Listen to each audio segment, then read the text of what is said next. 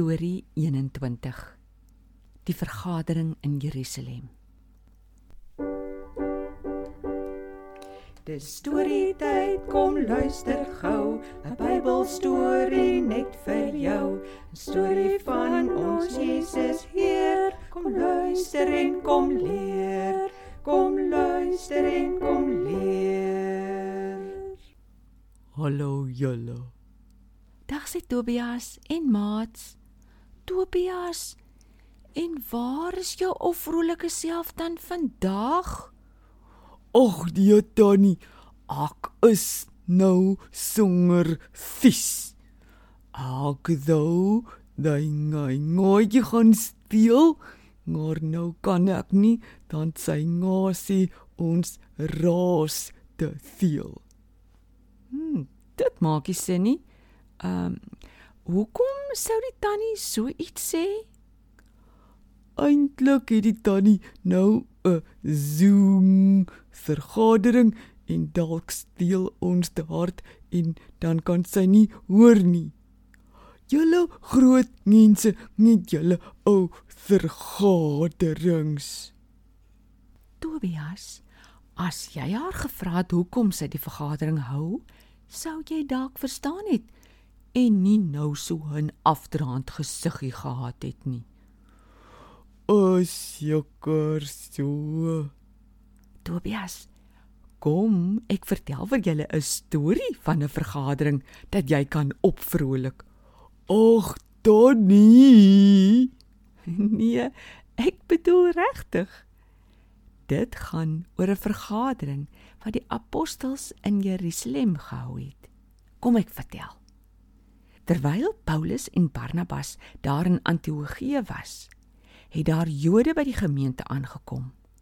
Hulle sê toe: "Hoi, julle klomp heidene, nie Jode, wat nou kinders van God geword het. Julle dink julle is nou gered, maar nee. As julle nie die ou gewoonte van die besnydenis nakom nie, kan julle nie gered word nie. Maar Tannie, het ons dan nie 'n liedjie gesing dat net Jesus red nie? Jy is reg. Paulus hulle begin toe redeneer met die Jode en later is dit omtrent 'n groot stryery. So groot dat Paulus en die Jode besluit om na Jerusalem toe te gaan en die ding te gaan uitpraat met die ander apostels. Hulle pak toe hulle tasse en daar gaan hulle. In Jerusalem is die gemeente toe baie bly om hulle te sien en om te hoor van so baie heidene, die nie-Jode wat nou God se kinders geword het. Maar wil jy nou meer? Toe staan 'n paar manne op wat voorheen fariseërs was en sê ook: "Paulus, daai nuwe kinders van God moet ook die ou gewoonte van die besnydenis nakom." O orde. Jy kan weer sê o aarde. Almal besef toe, hulle moet 'n vergadering hou om hierdie ding nou eens en vir altyd uit te praat.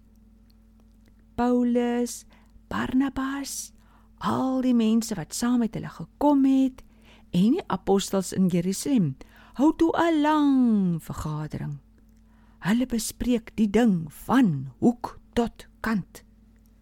Die Heilige Gees het hulle gehelp en op die ou end staan Petrus op en sê: "Julle weet mos dat God my geroep het om vir die heidene die goeie nuus van Jesus te vertel."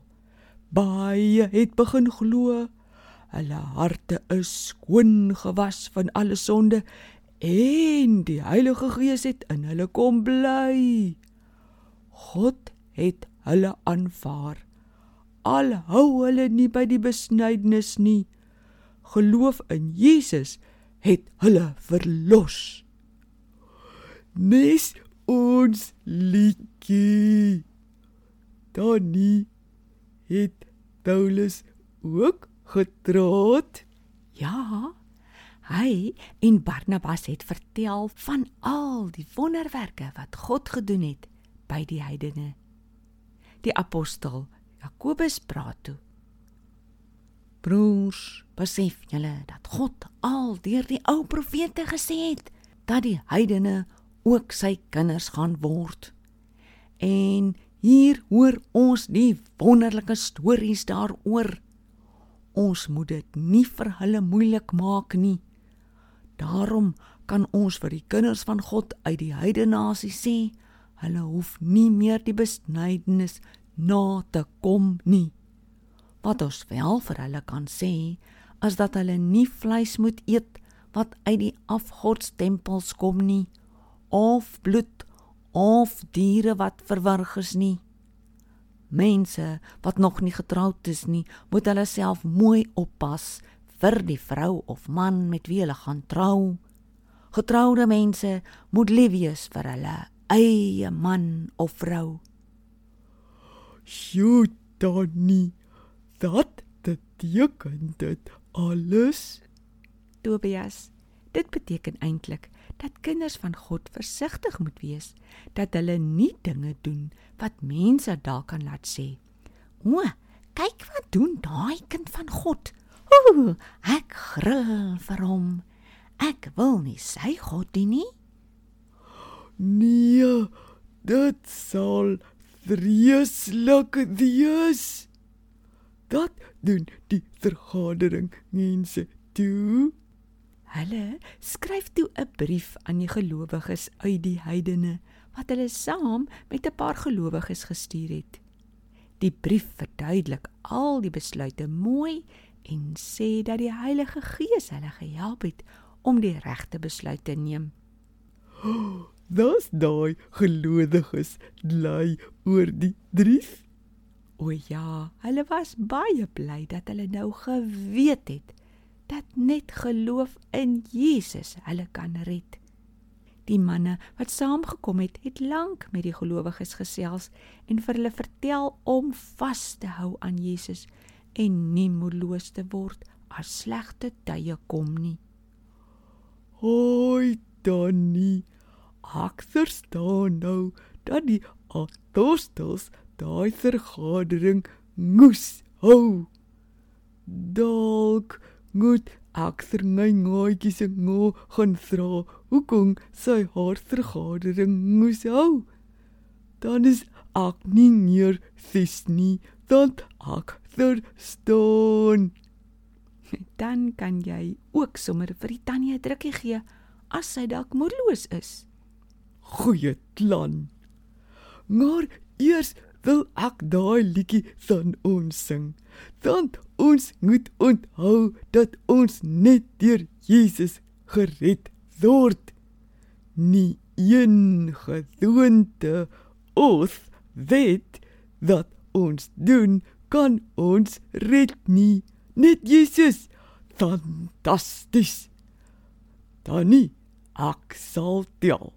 1 2 3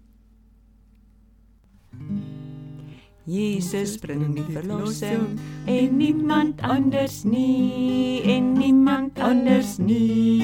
En niemand anders nie. Geen ander naam op aarde.